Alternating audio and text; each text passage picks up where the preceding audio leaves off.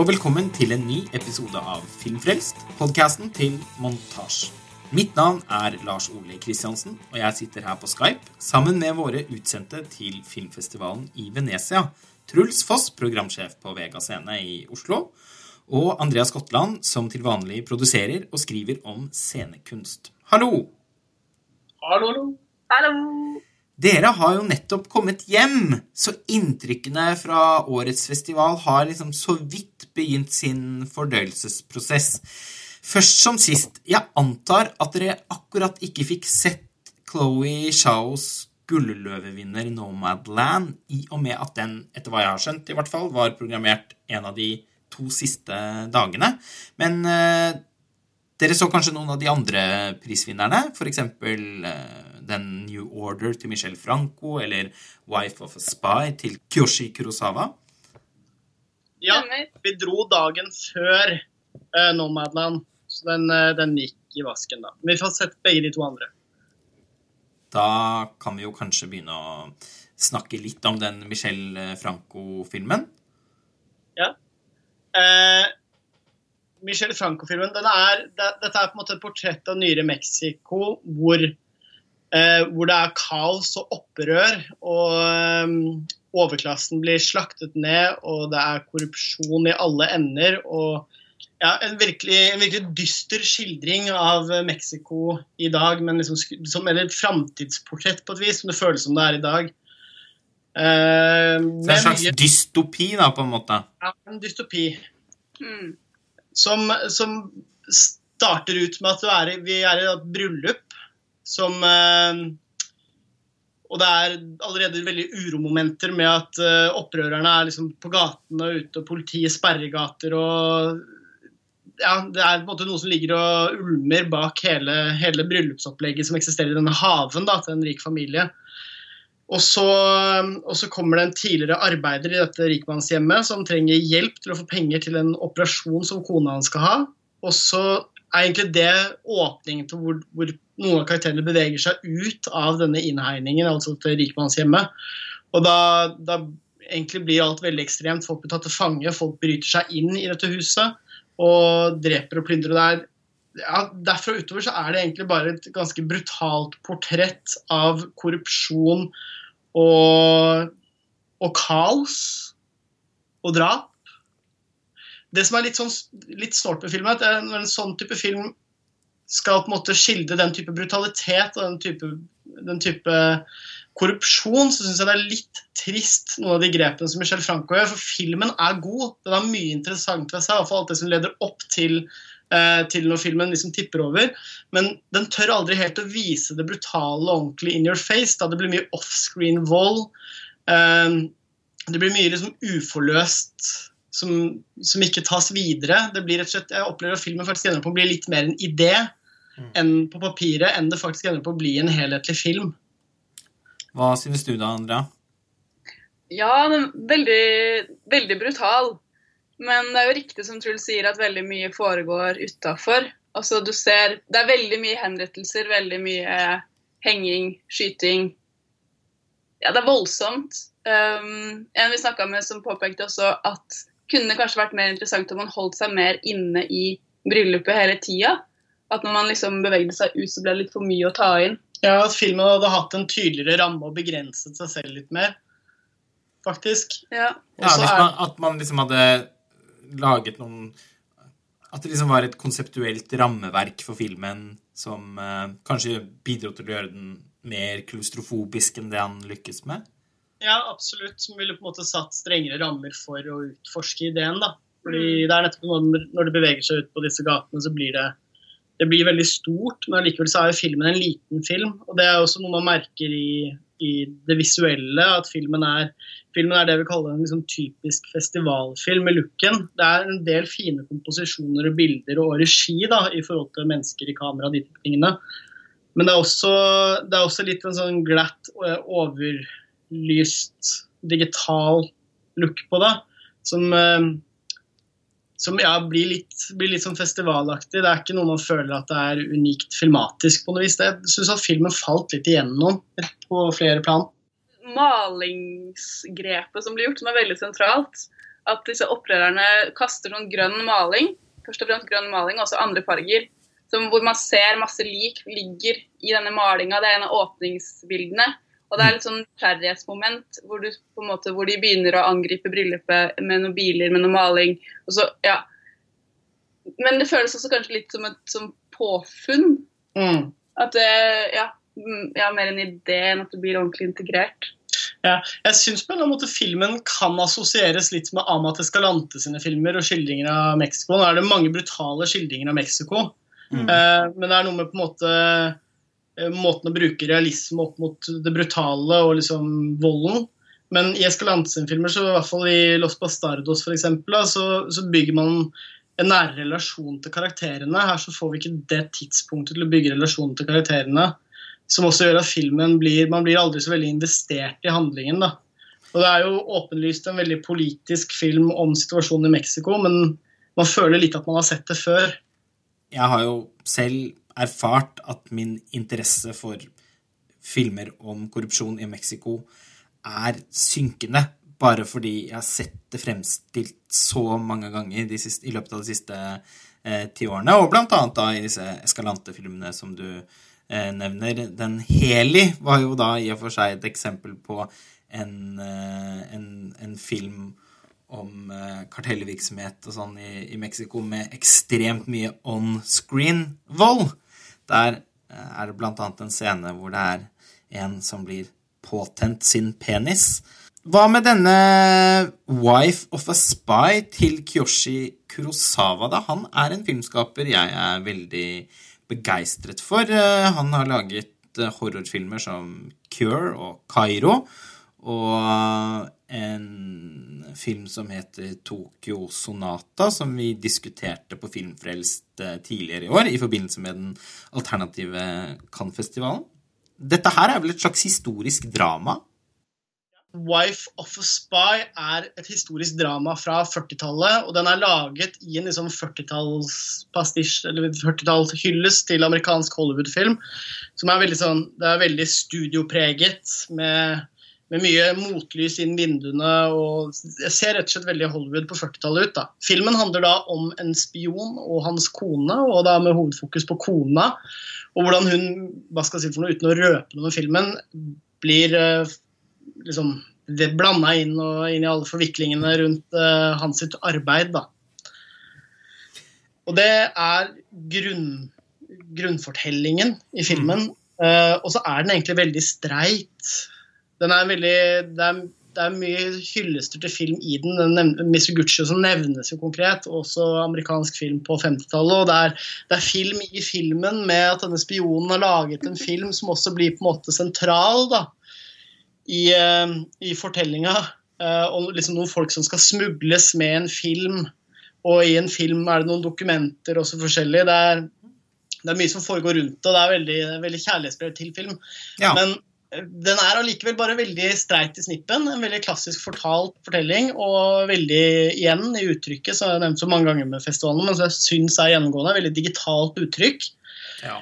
Og den ser, jeg synes i hvert fall den ser litt, litt billig ut i looken, da, for det er såpass mye motlys inn i disse vinduene, og det er veldig rene og pene uniformer. og Man får en følelse at det er nesten som en sånn oppstilt uh, teaterforestilling. Ja, jeg. Det er det er litt sånn melodrama, kan man kalle det. Ja, det er klassisk melodrama. Rett og slett. Og ja, veldig, veldig glatt. Og ja, litt kjedelig. Ja, men også ikke, det er ikke uten underholdningsverdi. For det er på en måte, det er smørt såpass tykt på at det er jo, det er jo sånn deilig å være i filmen. Det er det. På tampen av festivalen så vet jeg også at dere har sett to filmer av høy kvalitet, nemlig Abel Ferraras Sporting Life og Frederick Wisemans City Hall. To store amerikanske filmskapere som vi også har snakket om på Filmfrelst eh, tidligere. Under årets eh, Berlinale så lagde vi en spesialepisode om Ferrara i forbindelse med Siberia. En slags underlig forlengelse av eh, hans selvbiografiske Tomaso. Hva er det han har laget for noe denne gangen? Han er jo innmari aktiv om dagen. Jeg kjenner jo ikke så godt til Abel Ferrara fra før, men dette her er en slags dokumentar. En slags mash-up.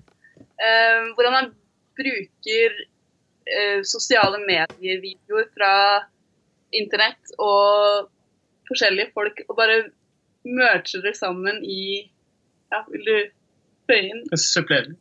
Eh, er, filmen er på en eller annen måte strukturert rundt lanseringen av Siberia i, i Berlin under Berlinalen. Og er jo en slags argumentasjon for sin kunstneriske raptus de siste åra, med Tomasso og hovedsakelig den. Mm. Eh, strukturert rundt liksom, en konsert de holdt etter lanseringen i Berlin, med, hvor Abel Ferrara spilte noe gitar sammen med bandet sitt, og William Defoe var med å synge. Igjen så har det også da klippet inn en del ting som har med pandemiutbrudd, liksom covid-19 å gjøre, og med Black Lives Matter, og hans eldre filmer.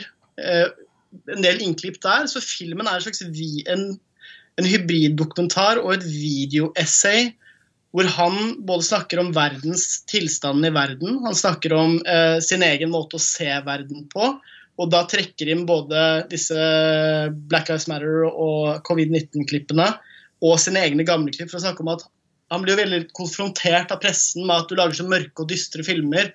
Og så bruker han dette i en argumentasjon på at han lager sånn, han lager filmer sånn han opplever verden og intensiteten. og Du trenger ikke nødvendigvis ta det uttrykket med å være en konkret beskrivelse av uh, Black Lives Matter, f.eks., men at, at, alt henger sammen.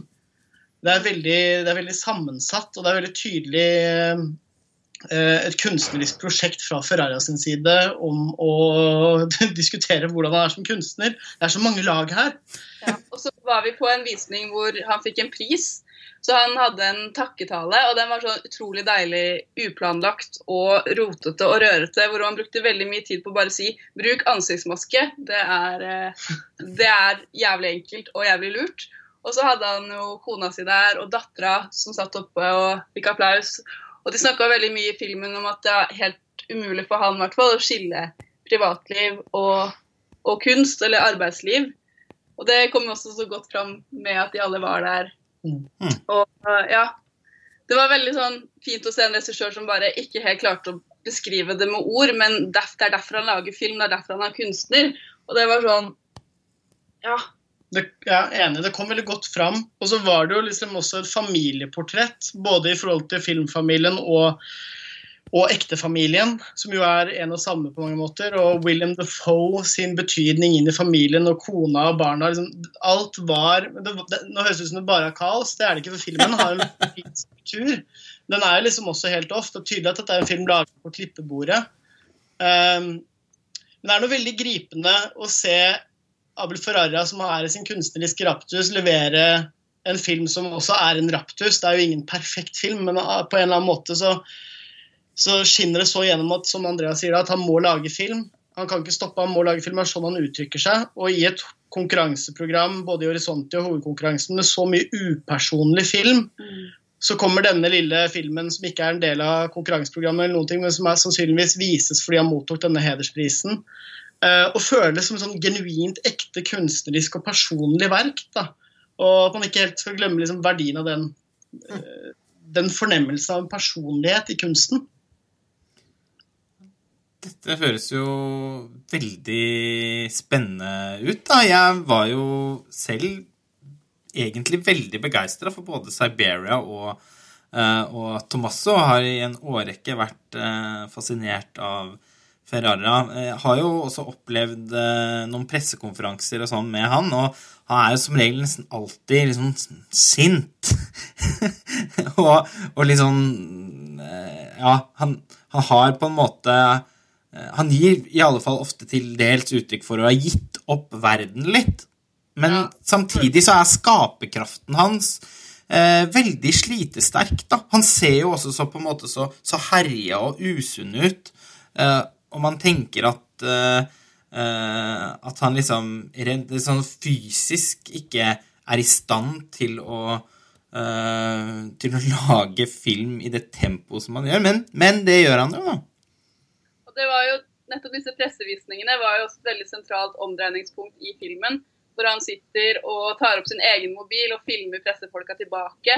Og, og stiller spørsmål i retur. og veldig sånn, ja, Viser at han er trøtt og, over å få de samme spørsmålene igjen og igjen og igjen. Og det går veldig mye på sånn Du lager veldig mørke filmer. Det er veldig svart. Og så blir han ja.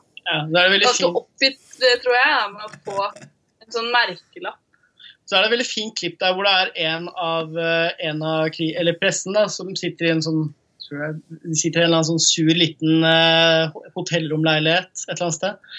Og så stiller han spørsmålet føler du at du er mer punk nå enn du følte at du var før. Og så blir Abel Ferrara så glad for det spørsmålet at han må ta opp mobilen sin og be han stille det igjen, så han kan filme det og ha det med i sin egen film. men uh, han ser jo bra ut, men han er jo fortsatt godt imot. Han løp opp og sto og styra og ordna på scenen og bak deg senere og rundt visningen. Ja, altså Man skal jo egentlig ikke tenke at noen som ikke har vært hos tannlegen på 20 år, nødvendigvis uh, har andre fysiske utfordringer. Men det er bare noe men han, men sant, han, jo, han har jo hatt store rusproblemer og alkoholproblemer og sånn tidligere. Så jeg er litt sånn genuint rørt over at han tross alt er eh, Har litt en ny vår nå, får jeg inntrykk av. Ja, enig. og det, Du nevnte jo at du likte Tomasa. Altså. jeg har ikke sett Siberia ennå, men jeg hadde jo det var jo en, en av de mest absurde film- eller kinoopplevelsene jeg har hatt, å se Tomasso i Cannes. Eh, men jeg merker nå med den filmen at jeg må virkelig ta et gjensyn, og jeg må se begge to, fordi det er noe han holder på med som er sånn virkelig Det er jo ikke kino, det er jo De færreste ville sett det på kino, men sånn i en mer hva skal jeg si for noe, kunstkontekst så er det noe stort han holder på med, får jeg følelsen av. Mm. Og så har man jo ofte litt sånn, sånn kunst, kunstnermyte-tanken om at folk eh, gjerne At det hjelper litt at de er litt alkoholiserte eller ruser seg. Og så hvis de slutter med det, så blir man sånn Å nei, nå er, det, nå er det stopp. Ja. Men eh, det viser seg jo ikke være det her, da. Nei, det er mange som forbinder Ferrara med noe litt sånn der ruskete, kultaktig. Eh, og det er jo i og for seg også sant, men det er lett å på en måte glemme virtuositeten òg i, i det han gjør. Altså, Filmene hans ser helt fantastisk eh, bra ut. Den Pasolini-filmen òg, som han hadde, også hadde premiere på i Venezia, det var vel i 2014, Mm, var jo altså også på eh, veldig lavt budsjett laget med med en veldig sånn sensibilitet eh, og ja og bare er, de, flere av de filmene vi har gått igjennom nå, er jo filmer som, også, som er veldig gripende i, eh, i Sporting der, som brukes som argumentasjon for liksom, livssyn og eget kunstnerskap. Det er jo også på en måte det er, jo film, det er jo også en film om han selv og karrieren hans og hvilken vending karrieren har tatt. Ja, han bor jo da i Roma, eh, og det gjør jo også William Dafoe. Mm. Så etter hva jeg har skjønt, eh, så tilbringer jo de veldig mye tid sammen. Han hadde jo også premiere på en, en dokumentar om livet sitt i Roma eh, i Venezia i 2018. Nå husker jeg ikke tittelen på den, men William Dafoe var jo veldig mye med der. Og så har vi Frederick Wiseman, da. Han er jo en av de mest betydelige dokumentaristene i hele filmhistorien. Han er 90 år nå, og hans favorittmotiv det er jo institusjoner. Både i USA og Europa. Og den nye filmen hans, City Hall, den må vel sies å da føye seg inn i en rekke som blant annet består av Central Park, National Gallery, Ex Libris som eh, biblioteket i New York eh, og mange andre. Og den er da hele fire timer og 32 minutter lang. Det er rørende langt, selv til Wiseman å være, vil jeg si. Det første som eh, slo meg da, var jo de andre som så den filmen. Det var kanskje litt færre enn på mange andre visninger, men også helt tydelig de største nerdene, da.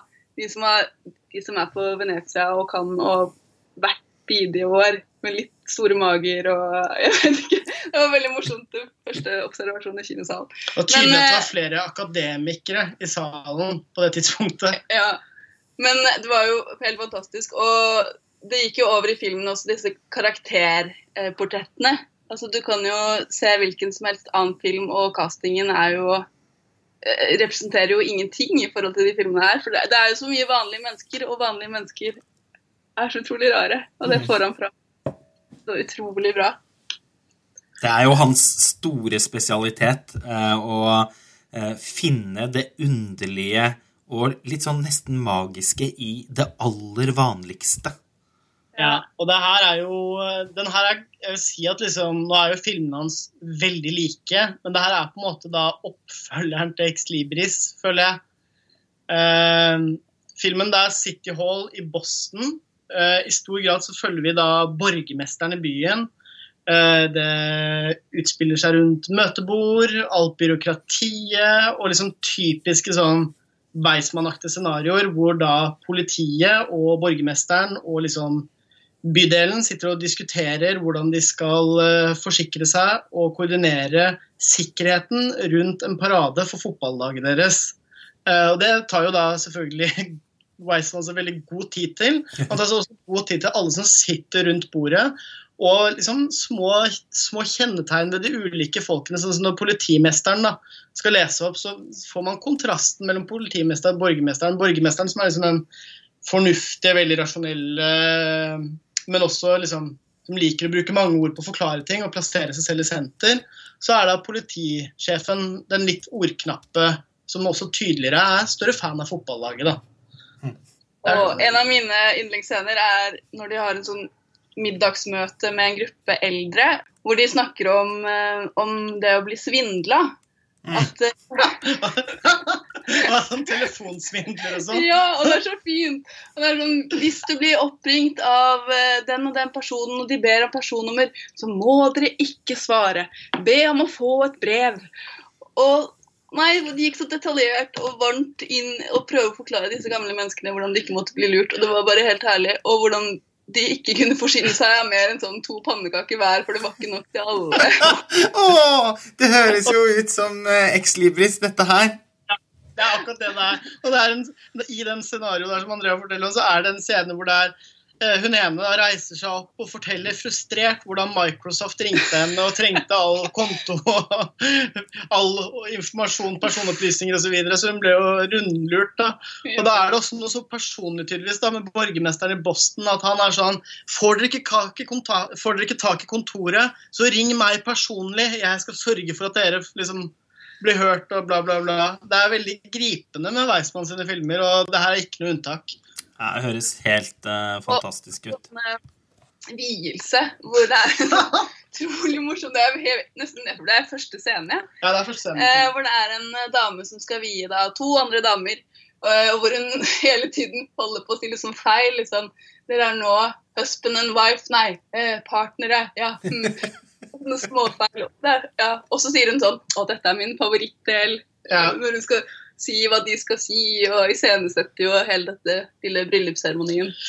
Det er liksom formen det er å fange mennesket, å fange liksom det helt vanlige mennesket som Fredrik Wiseman er bare så enestående god på.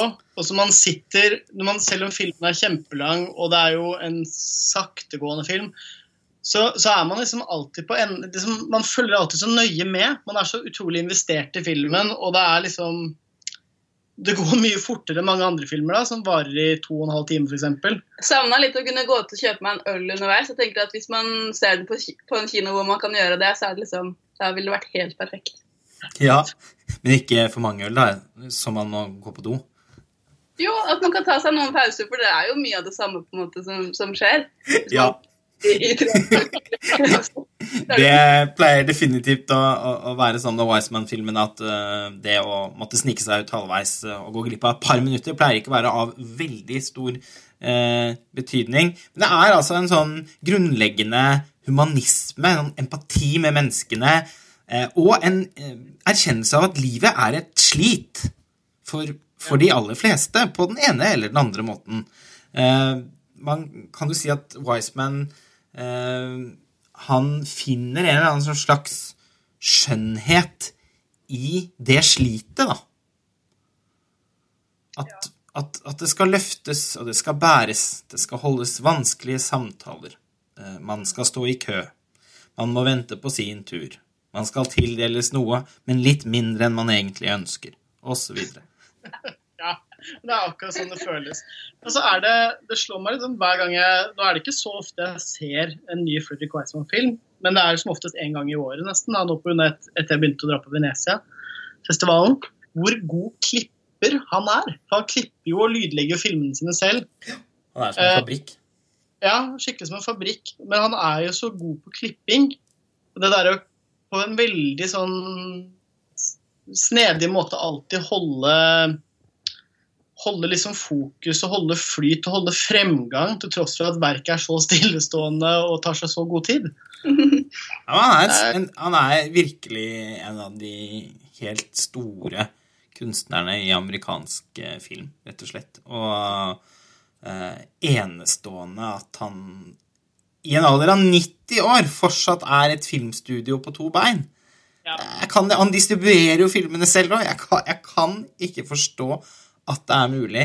Eh, og i forfjor så, så, så sto jeg bare en meter unna han i Venezia mens han kastet i seg en panini. ja, jeg var rett ved deg. Vi så han sammen med ørene. Ja, og jeg bare Dette her er bare helt surrealistisk. Der står Frederick Wiseman.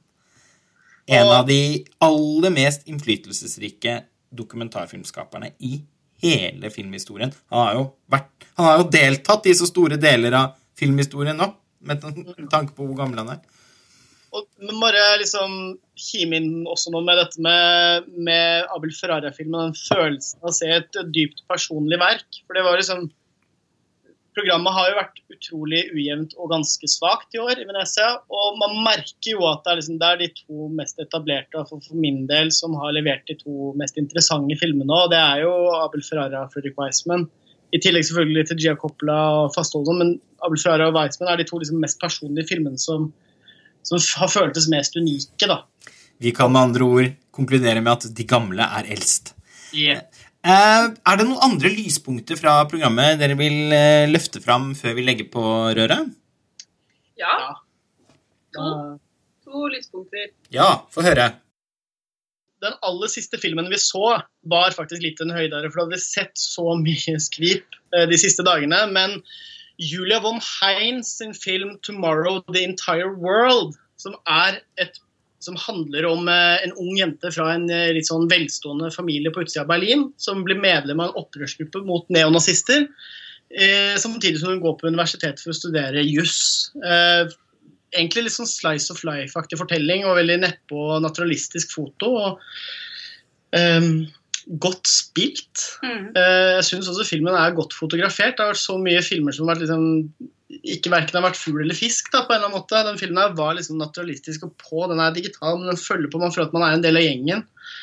Uh, I tillegg så tør filmen Den er liksom veldig tydelig at dette er opprørsgruppa, dette er liksom hippie, hippiebevegelsen i Berlin som lever i kollektiv og dumpster diver og hele tingen. Og så har du liksom neonazistene som er de som går i svart og er brutale. Eh, og filmen tuller også en del med liksom, den hippiekulturen, og spesielt av moren og faren til hun hovedkarakteren i filmen, som vi følger. Det er liksom en tydelig filmspråk og en drivende fortelling og kule, sånn kule folk som det er gøy å følge med på. Og som du sier, den sparker litt i alle retninger, som er veldig morsomt. Mm. Uh, og veldig aktuell da, i forhold til alle disse historiske filmene som bare viser ting på akkurat den måten ting var, uten å bringe til nye perspektiver. Så viser den noe som skjer her og nå. Ja, og så litt av det dilemmaet at Vi lever jo i en tid hvor det er ganske mange folk som kommer fra gode kår, som har lyst til å være en del av liksom, hva skal jeg si for noe, litt mer subkultur. Og det at filmen liksom diskuterer det litt òg. Mm. Jeg synes det var et veldig fint perspektiv å bringe inn. Normalt sett så ville man liksom romantisert subkulturen veldig. Mens her så romantiserer jo filmen gjennom hennes blikk denne subkulturen, som hun blir en del av. Men også kødder litt med det, da, rett og slett, gjennom foreldrene sitt perspektiv. Og de tidligere de liksom legendene fra subkulturen som nå er mentorene. Uh, og så er den liksom Den er vond nå. Det er den. Det er noe, det er noe liksom smertefullt over filmen. Og så var det en annen film eh, dere også ville trekke fra. Ja, jeg vil gjerne trekke fram Miss Marks fra hovedkonkurransen av regissør Susanna Nicarelli. Som er også ganske sånn glatt i utseendet, men også får til noen grep som jeg satte veldig pris på. Det var bl.a. bruk av eh, dokumentarfoto. Hvor, den, knyttes inn i filmen. Dette her handler om eh, Eleanor Marx, eller Marx, som er datteren til Karl Marx. Men den er virkelig fortalt fra hennes perspektiv. Den handler ikke om at hun er datteren hans, men man får på en måte hennes, hennes kamp og hennes liv veldig veldig godt fortalt. Og jeg syns også at filmen viser hvor kort vi har kommet, på en måte. Den viser hvor moderne verden var i, på slutten av 1800-tallet, og den viser hvor kort vi har kommet nå i 2020. Den merger liksom tidene på en ganske Mm. ja, interessant måte, syns jeg. Litt den samme følelsen man så når man sa 'Little Women' av Grete Gerwig. Den følelsen av at det her kunne det er på en måte et historisk portrett med liksom en kontemporær snert. Men at det er, det er noe liksom moderne over det òg. Ja, enig. Nå kom jeg på En annen film som jeg må trekke fram, som jeg, som jeg så, det var da 'Salvatore Shoemaker of Dreams'. Um, som er en dokumentarfilm av Luca Guadagnino. Den vises da, i tillegg, den ble vist på festivalen med en eh, kortfilm først som het 'Fiori Fiori Fiori'. Som var på en måte Guadagninos altså, karantenekortfilm. som Den bør egentlig ikke gå så mye inn på, men det var en liten sånn fin statusrapport fra hans karantenetid.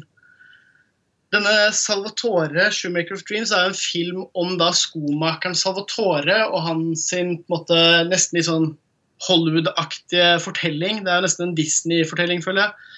Han starter med den lille bygda hvor han kommer ifra, og den verste yrket man kan bli, er en skomaker. Men så vil han så inderlig bli skomaker, og til slutt så får han lov til å bli skomaker. Og da leder jo det her videre til at han han, nå liksom, han, blir, han står jo igjen som en av de aller største skomakerne i Italia sånn, hva angår å sette seg inn i kroppens liksom, Hvordan skjelettet i føttene er bygd opp så det skal være komfortabelt å gå med sko. I tillegg til at han var jo også en, en utrolig opptatt av liksom, det, det estetiske ved sko. Så han ble jo, han flytta til Hollywood etter hvert. så Skulle egentlig begynne en skobutikk der, men så ble han vikla inn i Hollywood og lagde sko for liksom Cecil B. DeMille og forskjellige andre store, store regissører i Hollywood. Og ble liksom en slags sånn skomaker-superstar. da. Oi, så han blir litt sånn Hollywood-skomaker. Litt sånn eh, ja. Max Factor-style. Ja, nettopp. Akkurat. Veldig presist. Og så er det jo litt av det han flytter hjem etter hvert igjen og dykker mer liksom dette med å bli en sånn fashion-skomaker. Men hele Guadagnino er jo også flink til å skape liksom en sånn romantisk fornemmelse i filmene sine. Uh, og liksom med den, det er noe med den litt sånn ja, drømmeaktige tonen i filmen til Guadagnino som, som kommer skikkelig til sin rett her da, i en dokumentarfilm. Jeg ble skikkelig Min indre Jan Thomas kom fram, og jeg ble veldig tilfredsstilt. Så herlig, da. Filmen er jo allerede kjøpt opp til eh, distribusjon eh, også, så den, så den kommer jo på en måte til å få et liv på både på kino og strømmetjenester eh, etter hvert. Mm. Det, og det vil jeg anbefale folk å se. Man tenker at det er en smal film om en italiensk skomaker, men det er det ikke. Det er en skikkelig larger than life-fortelling om en person som reiser fra en bitte liten småby i Italia og blir bestis med Hollywood superstars på av interessen, da. fordi han er lidenskapelig opptatt av sko. Og budskapet er selvfølgelig 'skomaker, bli ved din lest'. Mm.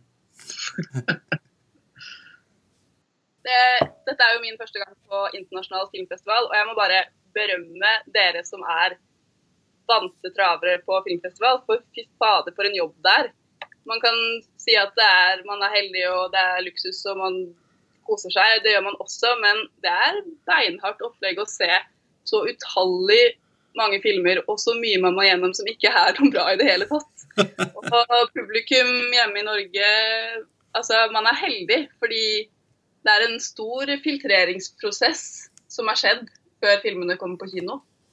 Så det Ja, det er fint og lærerikt å få innsikt i på en måte den jobben som ligger bak der, da. Veldig fin eh, avslutning på episoden der. Jeg håper av hele mitt hjerte at vi alle kan vende tilbake til eh, Venezia neste år. Altså det vil jo da si alle vi eh, i montasje som eh, pleier å være til stede. Men jeg er veldig glad for at dere har vært der og rapportert på Filmfrelst om filmene dere har sett under det som er koronatidens, eller var koronatidens, første eh, gjennomførte filmfestival. Takk for nå, Truls og Andrea. Vi snakkes igjen snart. Det gjør vi. Ha det bra. Ha det bra.